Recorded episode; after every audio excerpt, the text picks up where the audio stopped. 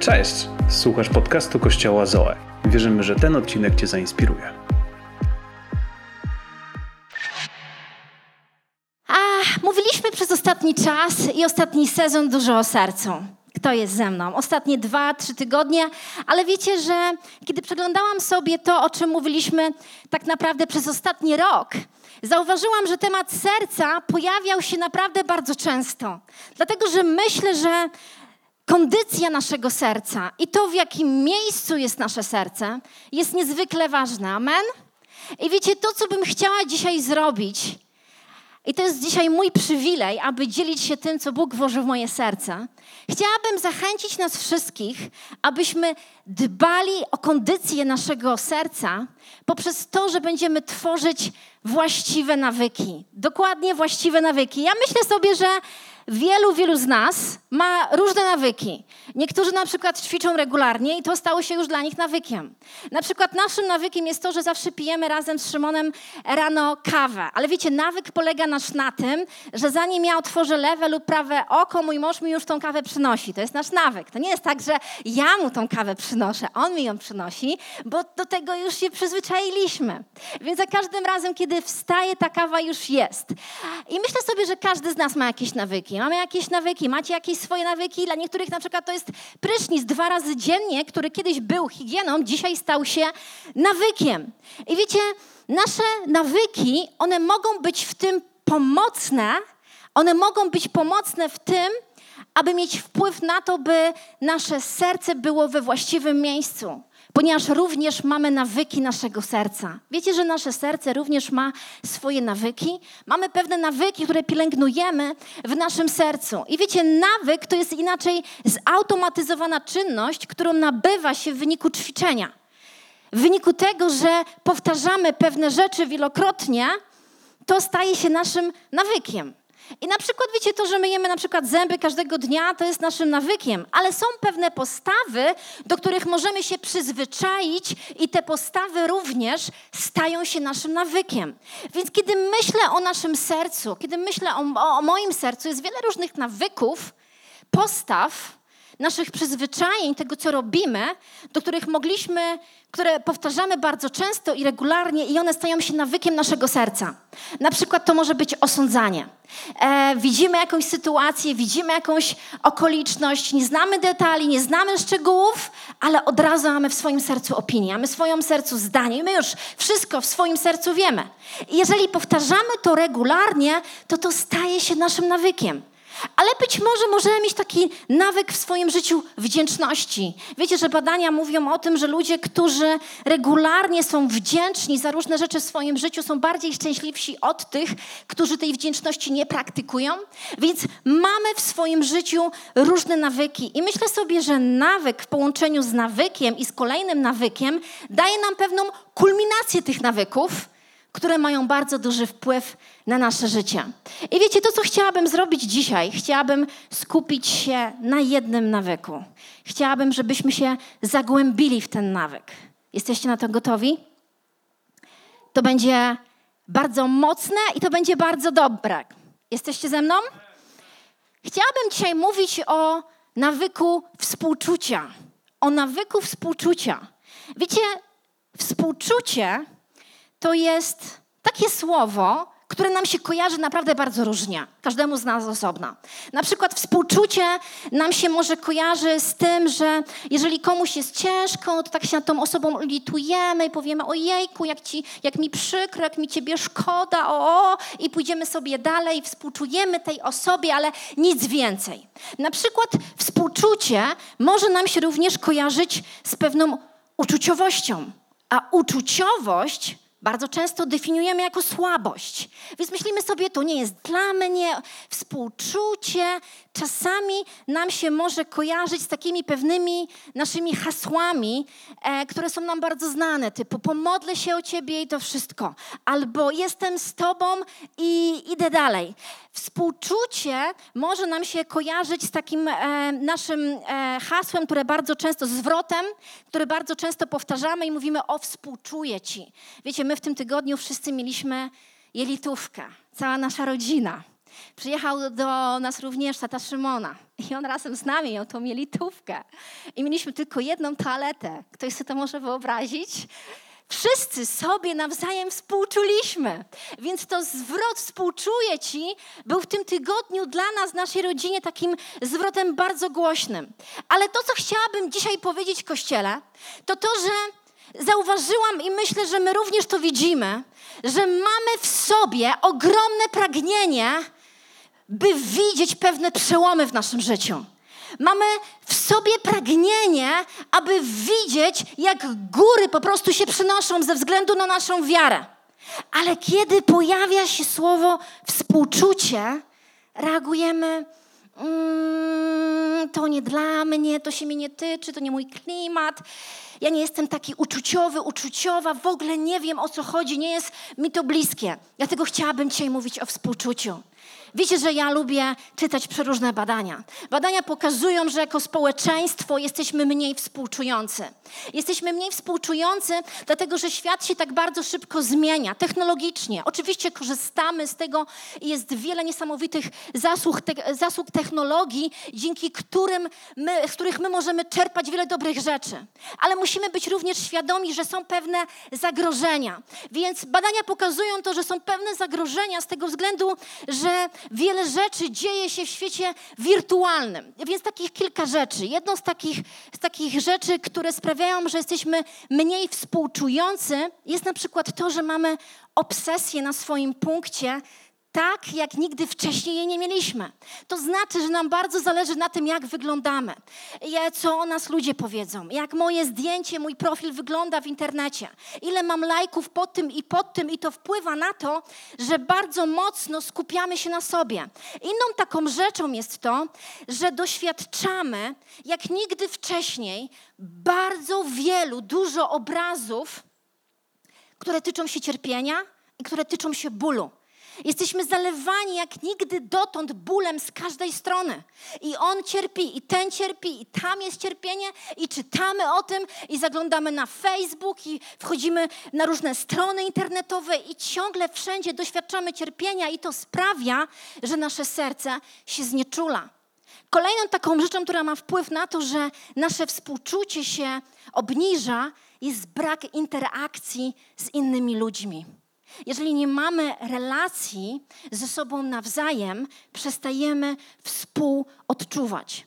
Więc współczucie to są, to są nasze uczucia, to są nasze emocje, które powodują, że jeden człowiek może solidaryzować się z drugim człowiekiem.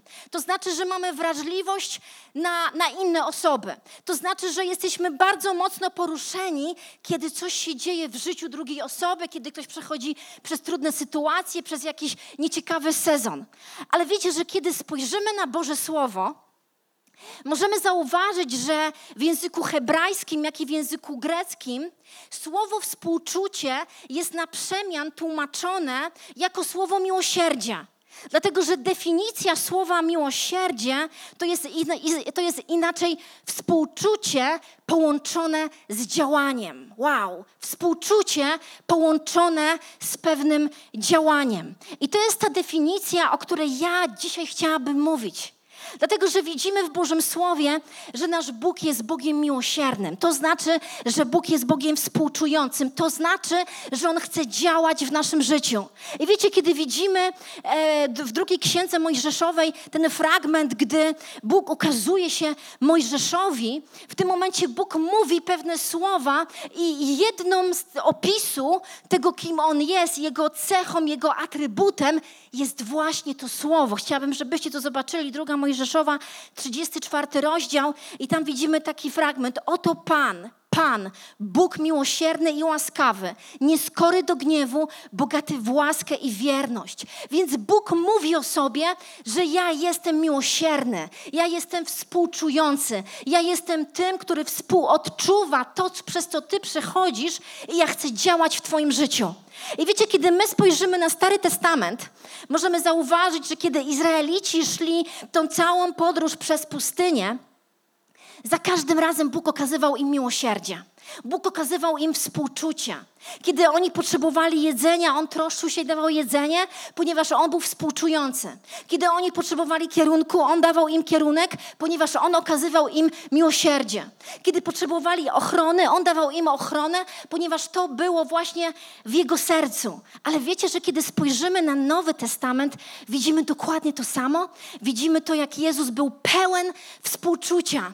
I chciałabym, żebyśmy zobaczyli kilka fragmentów bo ja myślę, że one naprawdę mogą dzisiaj wywrócić nam kilka rzeczy do góry nogami. Więc Mateusza 15:32, jesteście ze mną, czytacie razem ze mną, czytamy takie słowa. Żal mi tych ludzi, bo już trzy dni przy mnie trwają i nie mają co jeść.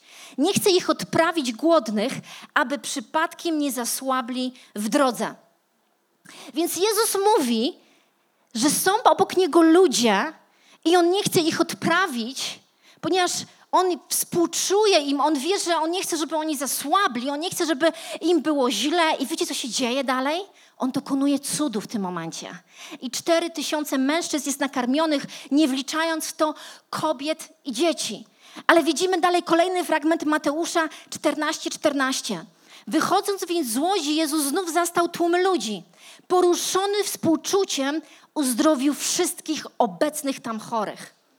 Marka 1,40. Pewnego razu przyszedł do niego trędowaty i na, kolana, na kolanach błagał o uzdrowienie. Jeśli tylko zechcesz, możesz mnie uzdrowić, prosił. Jezus ogarnięty współczuciem dotknął go i rzekł, chcę, bądź uzdrowiony. Trąd zniknął natychmiast. Natychmiast zniknął i w jednej chwili człowiek ten odzyskał zdrowie. Mateusza 20, 33. Panie, chcemy odzyskać wzrok, prosili. Ogarnięty współczuciem. Czym Jezus był ogarnięty? Współczuciem był ogarnięty. Jezus dotknął ich oczu, natychmiast odzyskali wzrok i poszli z nim. Wiecie, to jest niesamowite.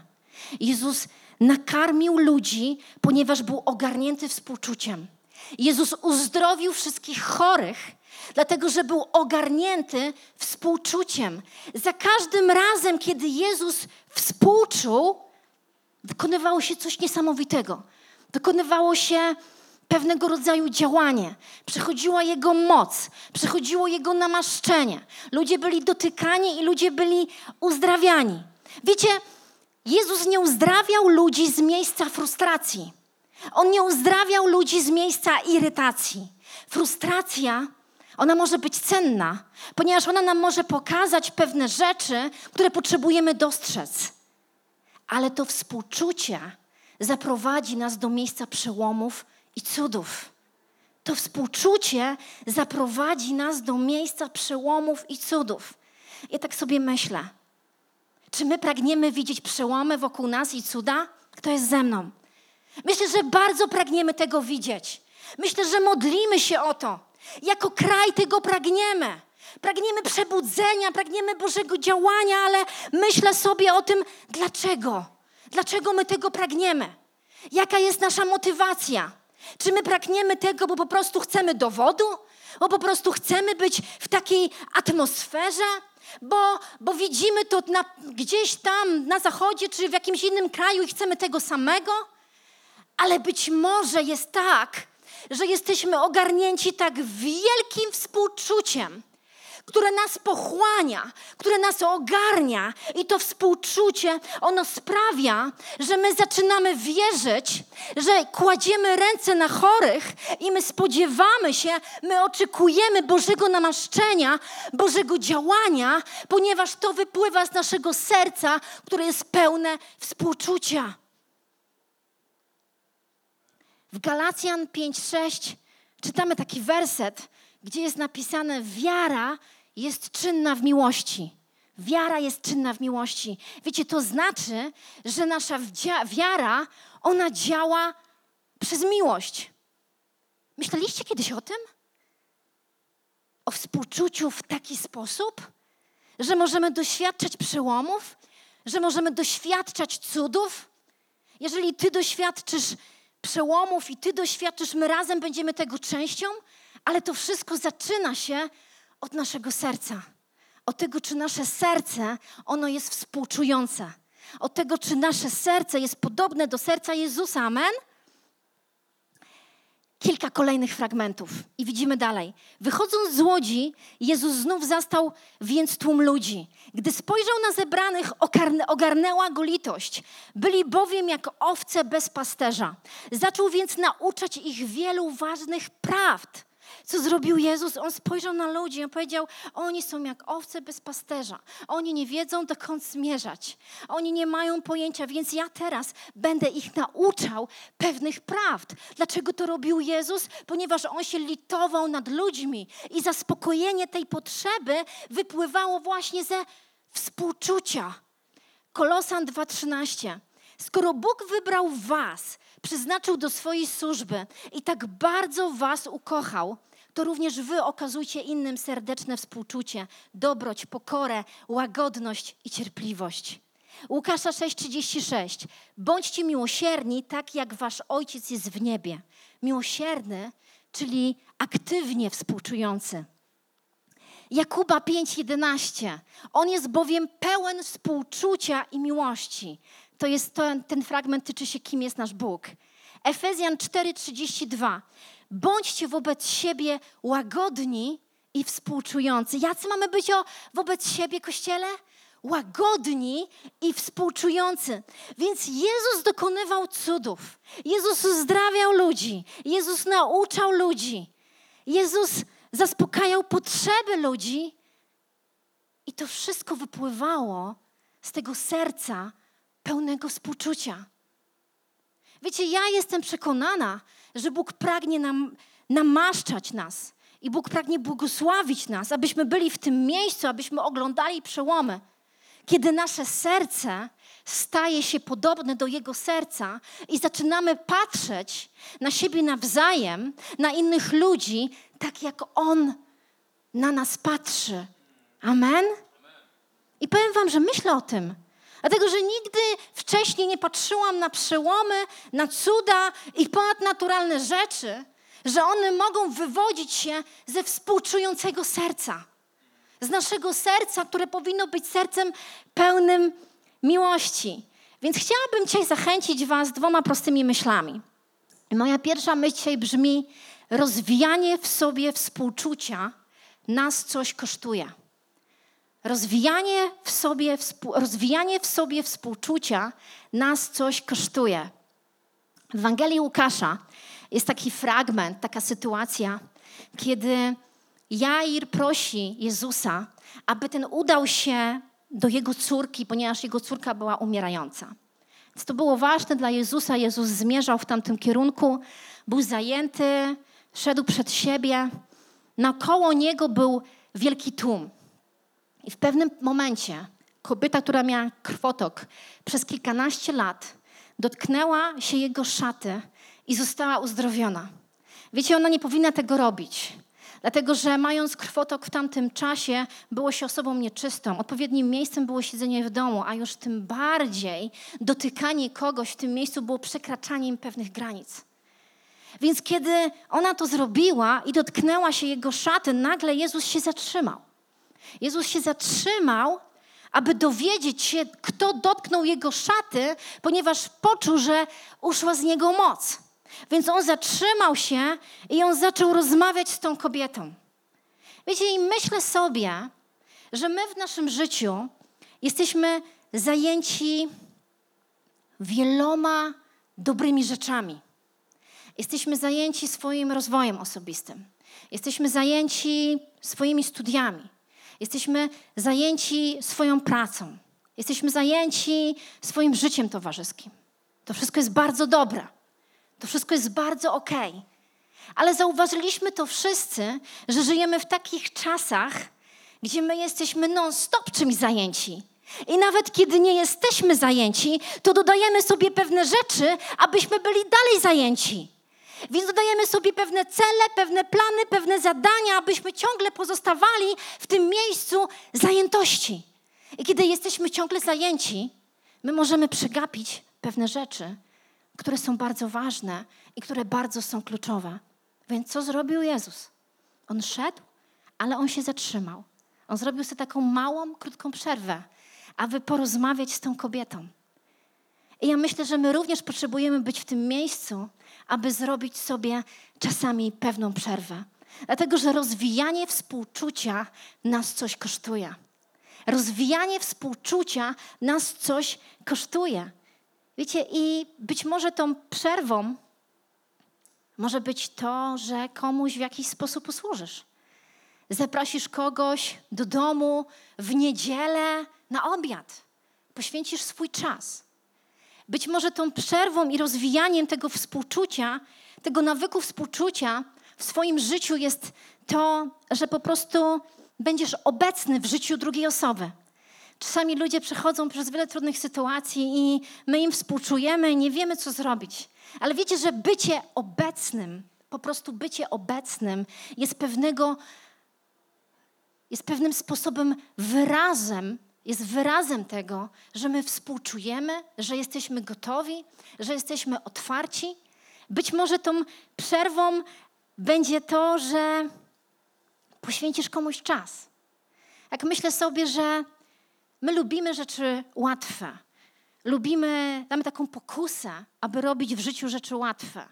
Na przykład lubimy porozmawiać z innymi osobami pięć minut, ale już nie dłużej. Lubimy budować wiele różnych relacji, ale one są powierzchowne. Lubimy dużo mówić, co by tu nie zrobić, ale gorzej jest ze słuchaniem. Albo na przykład jesteśmy w takim miejscu, że jest nam łatwo zrobić coś, co mamy po drodze, co nie wymaga żadnego wysiłku. Ale rozwijanie współczucia, chciałabym nas dzisiaj Kościele zachęcić. To nas zawsze coś kosztuje, amen? Wiecie, słuchanie kogoś nas coś kosztuje.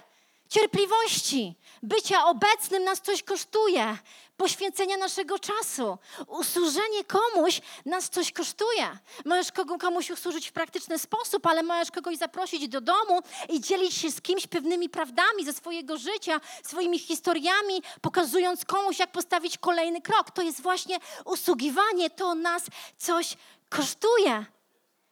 Pamiętam, jak kiedyś do mnie podeszła jedna osoba i powiedziała: Słuchaj, Kinga, gdzieś na mojej drodze pojawił się pewien człowiek, który no, nie był taki łatwy w nawiązywaniu relacji. I miałam taką pokusę, że pomyślałam sobie: Po prostu mi się nie chce. No, nie chce mi się tych relacji tam dłużej budować. Może maksymalnie raz się spotkamy i to wszystko. I ta osoba przyszła do mnie, żeby powiedzieć mi swoją, swoje świadectwo. I powiedziała do mnie: Wiesz, ale w pewnym momencie poczułam w moim sercu, że muszę coś przełamać w sobie. Że nie mogę budować relacji tylko z tymi, z którymi tak bardzo chcę. Więc zaczęłam poświęcać czas tej osobie. Zaczęłam spotykać się z tą osobą. Zaczęłam usługiwać tej osobie. I powiem Ci jedną rzecz. Ja jestem w takim miejscu, że ja po prostu uwielbiam spędzać czas z tą osobą. Ja nie mogę po prostu pomyśleć sobie, że mogłoby tego człowieka nie być w moim życiu. I mówię Ci, Kinga, to jako moje świadectwo, jak Bóg wiele we mnie zmienił, kiedy zaczęłam patrzeć na pewne rzeczy z Bożej perspektywy i z Bożego serca. Czy to nie jest niesamowite, Kościele? Jak wiele w naszym życiu się zmienia, kiedy nasze serce staje się sercem współczującym. Myślę, że rozwijanie współczucia nas coś kosztuje. Jeżeli nas nic nie kosztuje, to nie jest to współczucie. Wiecie, jeżeli tak sobie myślę, że my możemy być naprawdę w tym sezonie zabiegani. Wczoraj mój Szymon pojechał z dziećmi na zakupy tylko po to, żeby kupiły dekoracje do szkoły. Wiecie, były takie korki, było tyle ludzi w sklepach, że zakupy, które powinny trwać 20 minut, przeciągnęły się prawie do dwóch i pół godziny. Kto jest ze mną? Bo to jest taki sezon dla nas, że my stroimy domy i szukujemy prezenty i robimy wiele dekoracji. To jest wszystko okej. Okay. Ale kiedy w naszym sercu mówimy sobie, no Jezus jest w moim sercu, no Jezus jest w moim sercu, ale kiedy pomyślisz sobie, że współczucie nie jest blisko Ciebie, to oznacza, że my wcale nie jesteśmy blisko Jezusa. To może być dzisiaj mocne słowo, amen? Ale ja jestem przekonana, że Duch Święty chce coś zrobić. Bo kiedy patrzymy na Boże Słowo, to widzimy, że przełomy, cuda, uzdrowienia, niesamowite nauczanie, zaspokajanie potrzeb tu wywodziło się z serca Bożego, które było pełne współczucia. Za każdym razem, kiedy widzimy w Biblii cuda, widzimy, że Jezus był ogarnięty współczuciem. On był nim ogarnięty. I ja jestem przekonana, że współczucie nas może zaprowadzić do miejsc, o jakich nie marzyliśmy. Ale my potrzebujemy zacząć kształtować w sobie nawyk współczucia. Badania mówią o tym, że jeżeli ludzie w ciągu dnia myślą zaledwie 2-3 minuty o współczuciu, chemia w ich mózgu się zmienia. Być może dobrze jest zacząć od tego, aby codziennie mówić: Boże, pokazuj mi moje serce, zmieniaj mi moje serce, jak ja mogę być współczującym, jak ja mogę być tym, tą osobą, która nie tylko może odczuwać, nie tylko może mieć tą emocję w sobie, ale też może stanąć w tym miejscu przełomu, aby widzieć te cuda, aby kłaść ręce na chorych, aby o nich się modlić, ponieważ jesteś przekonany, że Bóg może to zrobić. Więc współczucie nas coś kosztuje, ale moja druga myśl brzmi: rozwijanie w sobie współczucia nas rozciąga. Wiecie, to nas rozciąga. Wiecie dlaczego? Ponieważ my wychodzimy naprzeciw potrzebom.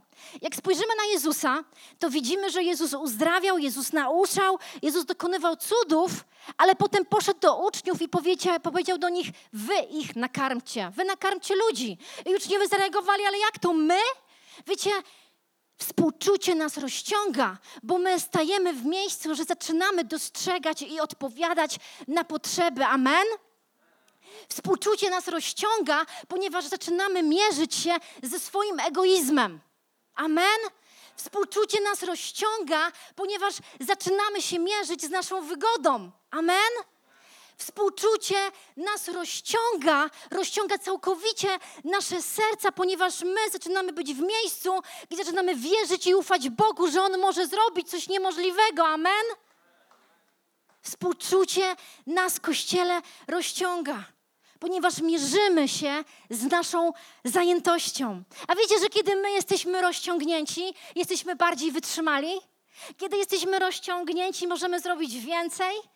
Kiedy nasze mięśnie są rozciągnięte, innymi słowami, one są przygotowane, ponieważ je rozciągamy, jesteśmy w stanie przebiec pewien bieg. Ale kiedy mamy taką kondycję jak ja dzisiaj, że wejdę pięć schodków i już mam zadyszkę, maratonu nie przebiegniemy. Więc współczucie, ono nas rozciąga i sprawia, że nasza wiara jest rozciągnięta, nasze zaufanie do Boga jest rozciągnięte i to wszystko ma miejsce w naszym sercu z powodu współczucia. Tego samego, które względem nas miał Bóg. Amen? Wiecie, chciałabym dzisiaj nas tym słowem zachęcić. Chciałabym zachęcić nas dzisiaj tym słowem, że potrzebujemy być w miejscu, aby budować w swoim życiu zdrowe nawyki, ponieważ one mają ogromny wpływ na nasze serca. Potrzebujemy mieć odpowiednie nawyki naszego serca. I myślę, że współczucie jest takim nawykiem, gdzie możesz myśleć o tym w praktyczny sposób. Jak mogę coś zrobić? Jak mogę kogoś wysłuchać? Jak mogę być obecny w życiu drugiego człowieka? Jak mogę postawić krok wiary, aby z odwagą się modlić o kogoś? Jak mogę postawić krok wiary, aby być w miejscu i ufać, że Bóg może dokonać cudu w moim osobistym życiu? Amen? Myślę, że muzycy mogą już wychodzić, ale na koniec chciałabym Wam powiedzieć jeszcze jedną ciekawą rzecz. Hebrajskie słowo współczucie, czyli miłosierdzie, w Biblii widzimy te dwa słowa, które pojawiają się cały czas na przemian: miłosierdzie i współczucie, czyli to jest współczucie, które jest połączone z działaniem. Wiecie, że ono się odnosi, ono jest bardzo połączone, ono nawiązuje do łona kobiety. To słowo w Biblii, w Starym Testamencie, nawiązuje do łona kobiety i to słowo brzmi rakhum. Dlatego, że obraz tego jest taki, że Bóg ma tak wielkie miłosierdzie względem nas, jak miłość kobiety do dziecka. Czy to nie jest niesamowite? W Psalmie 103, w 13, w 13 wersecie czytamy takie słowa. Zobaczcie. I jak ojciec lituje się nad dziećmi, lituje, to jest to słowo współczuje, jest miłosierny, chce się zaangażować, tak Pan lituje się nad tymi, którzy się Go boją. Boją, czyli Go kochają. Kiedy Izrael uważał, że Bóg o nich zapomniał, Bóg im odpowiedział w Izajasza w 49 rozdziale takie słowa. Czy kobieta może zapomnieć o swoim niemowlęciu i nie zlitować się nad dzieciątkiem, które pochodzi z jej łona? A choćby nawet one zapomniały, ja nie zapomnę o Tobie. Więc Boży obraz miłosierdzia i Boży obraz współczucia jest porównywany do miłości ojca i matki. Ja kiedy myślę o swoich dzieciach, ja myślę, że ja mogłabym zrobić dla nich wszystko. Wiecie, kiedy one są chore, pragnę zaspokoić każdą ich potrzebę. Kiedy nie śpią, ja też nie śpię. Więc Bóg chce nam pokazać, że On tak bardzo mocno nas kocha, tak bardzo jest miłosierny względem nas. To jest taka wielka i to jest takie niesamowite, głębokie uczucie, jak, jak miłość matki do tego nowonarodzonego dziecka. To znaczy, że miłosierdzie bardzo często występowało w Starym Testamencie, aby pokazać ludziom, że Bóg jest tym, który przebacza. Bóg jest tym, który pragnie działać w ich życiu. Bóg jest tym, który pragnie zmienić każdą sytuację, która wygląda naprawdę jako czarny scenariusz. On jest tym, który chce wyprostować nasze ścieżki, bo On jest Bogiem miłosiernym, On jest Bogiem współczującym, który nie tylko odczuwa, ale który również chce zrobić coś w Twoim, w moim, w naszym życiu. Amen, Kościele? I być może na tym miejscu jesteś dzisiaj. I to, czego potrzebujesz usłyszeć, to właśnie to słowo, że Bóg Ciebie kocha. On chce wyprostować pewne rzeczy w Twoim życiu. A nie musisz żyć w takim poczuciu winy. Wiecie, kiedy Dawid zgrzeszył z Batrzebą, czytamy w psalmach, jak zaczął wołać do Boga tym właśnie słowem. Boże, zlituj się, Boże, miłosierny, miłosierny, miłosierny. Dlatego, że Bóg jest Bogiem miłosiernym, pełnym dobroci. I On ma dla nas swój plan. I On w tym planie właśnie zawarł nas. I my żyjemy właśnie w tym czasie, o właśnie tej porze, ponieważ Bóg chce nas użyć w niesamowity sposób. Ale to, co Ty potrzebujesz zrobić, to potrzebujesz to przyjąć, potrzebujesz w to uwierzyć, potrzebujesz zrozumieć, że Bóg tak bardzo mocno ukochał Ciebie, ukochał nas, że dał swojego Syna, aby On umarł za każdy nasz grzech. To jest Jego współczucie względem nas. Ja wierzę w to, Kościele, że kiedy my uchwycimy to Boże serce, to Boże współczucie i będzie to się przejawiało w naszym życiu, my będziemy świadkami cudów i przełomów. Amen? Dlatego właśnie ten kościół jest takim głosem mamy i taty, i my wierzymy w to, że właśnie w tym kościele będzie wiele duchowych ojców i będzie wiele duchowych matek, aby okazywać to miłosierdzie, to współczucie, troszczyć się o te dzieci w taki sposób, w jaki Bóg by to zrobił. Amen. Dzięki, że byłeś z nami. Więcej informacji o naszym kościele znajdziesz na naszych mediach społecznościowych. Wierzymy, że najlepsze jest jeszcze przed nami.